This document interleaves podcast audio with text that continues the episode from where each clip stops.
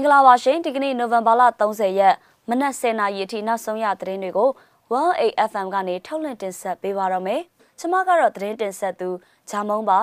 ။တပရင်ကဒေသကာကွယ်ရေးတပ်နဲ့စစ်ကောင်စီတပ်တို့ကြားတိုက်ပွဲမှာတေဆုံးမှုတွေရှိခဲ့ပါတယ်။မင်းလာမြို့နယ်ကတရားမဝင်လမ်းကြီးကောက်တဲ့ဂိတ်၃ချိန်မြောက်ဖျက်ဆီးခံရပေမဲ့လည်းယာယီတဲနဲ့လမ်းကြီးဆက်ကောက်နေပါတယ်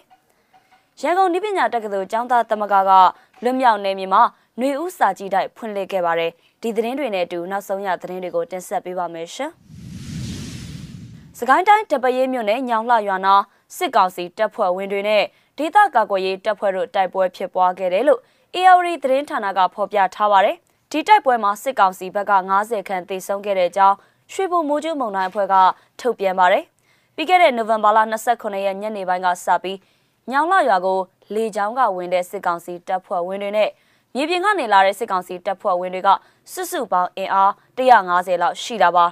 နိုဝင်ဘာလ28ရက်မနက်ပိုင်းကစပြီးရွှေဘုံမိုးကျုံမုံတိုင်းအဖွဲ့နဲ့မဟာမိတ်ပူးပေါင်းအဖွဲ့တို့ကအဲ့ဒီစစ်ကောင်စီတပ်နဲ့စတင်ထိတွေ့မှုတွေရှိခဲ့ပါတယ်စစ်ကောင်စီတပ်ကညောင်လာကျေးရွာကုန်မြေပြင်ကနေအင်အားအများအပြားနဲ့စစ်ကြောင်းထိုးခဲ့တာတွေရှိသလိုတိုက်ခတ်ရေးရဟတ်ရေးနှစ်စီးအုံပြုပြီးတော့ပြစ်ခတ်တိုက်ခတ်ခဲ့ကြတယ်လို့လည်းသိရပါတယ်ဒီတိုက်ပွဲတွင်မှာပြည်သူ့ကာကွယ်ရေးတပ်ဖွဲ့ဝင်တအူးကတော့ဒဏ်ရာရခဲ့ပါတယ်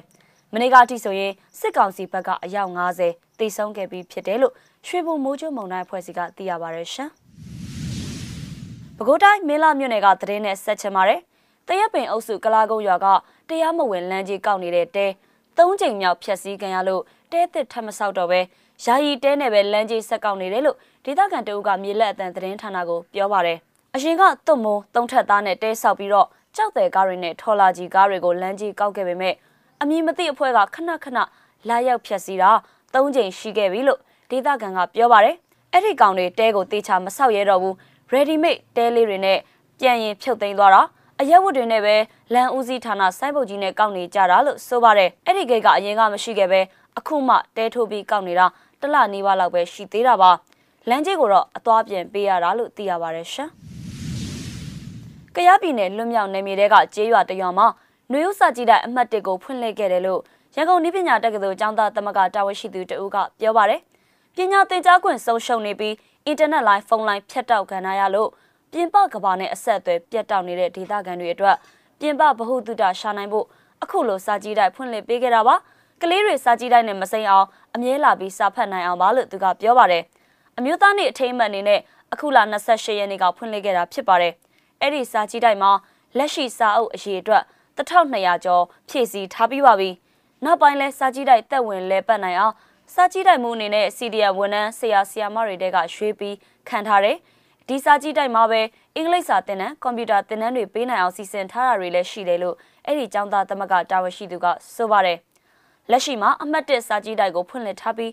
နောက်ပိုင်းမှာတော့အမှတ်2 3စသဖြင့်ဖွင့်လှစ်ပေးနိုင်ဖို့စီစဉ်ထားတာတွေရှိတယ်လို့လည်းသိရပါတယ်ရှင်။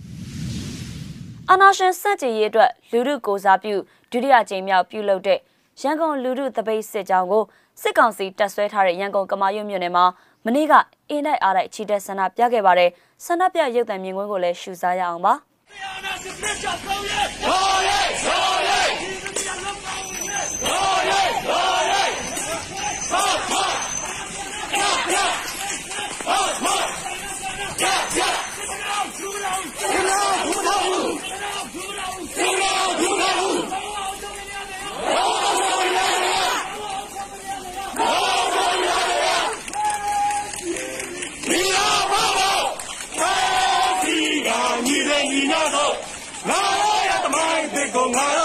ရေးခဲ့ပြီဒီသာရကြခဲ့ပြီနိုင်ငံတော်အတွက်တို့အသက်ကိုလည်းဗာမတိဘယ်မဲ့ထိုးတော့ရဲ့ရဲ့ရဲ့ရှိကိုရှိသောတာတိုင်းကနာမရပြီ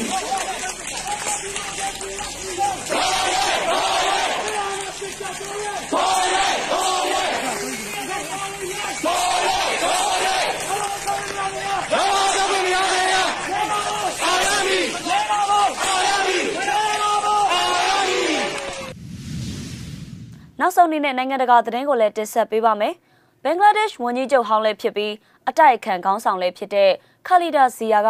နာမကျန်းဖြစ်နေတာပါခုလက်ရှိကျမ်းမာရေးအခြေအနေအရပြည်ပမှာတွားရောက်ဆေးကုသမှုခံယူဖို့လိုနေတယ်လို့သိရပါတယ်။အဲ့ဒီလိုကုသခွင့်မရဘူးဆိုရင်သူမရဲ့အသက်အန္တရာယ်အတွက်စိုးရိမ်ရတယ်ဆိုပြီးသူ့ရဲ့ဆရာဝန်တွေကအခုလ28ရက်နေ့တုန်းကပြောပါတယ်။ဘင်္ဂလားဒေ့ရှ်ဝန်ကြီးချုပ်ရဲ့အထူးကပြိုင်ဘက်ဖြစ်တဲ့အသက်86နှစ်ရှိပြီဖြစ်တဲ့စီယာက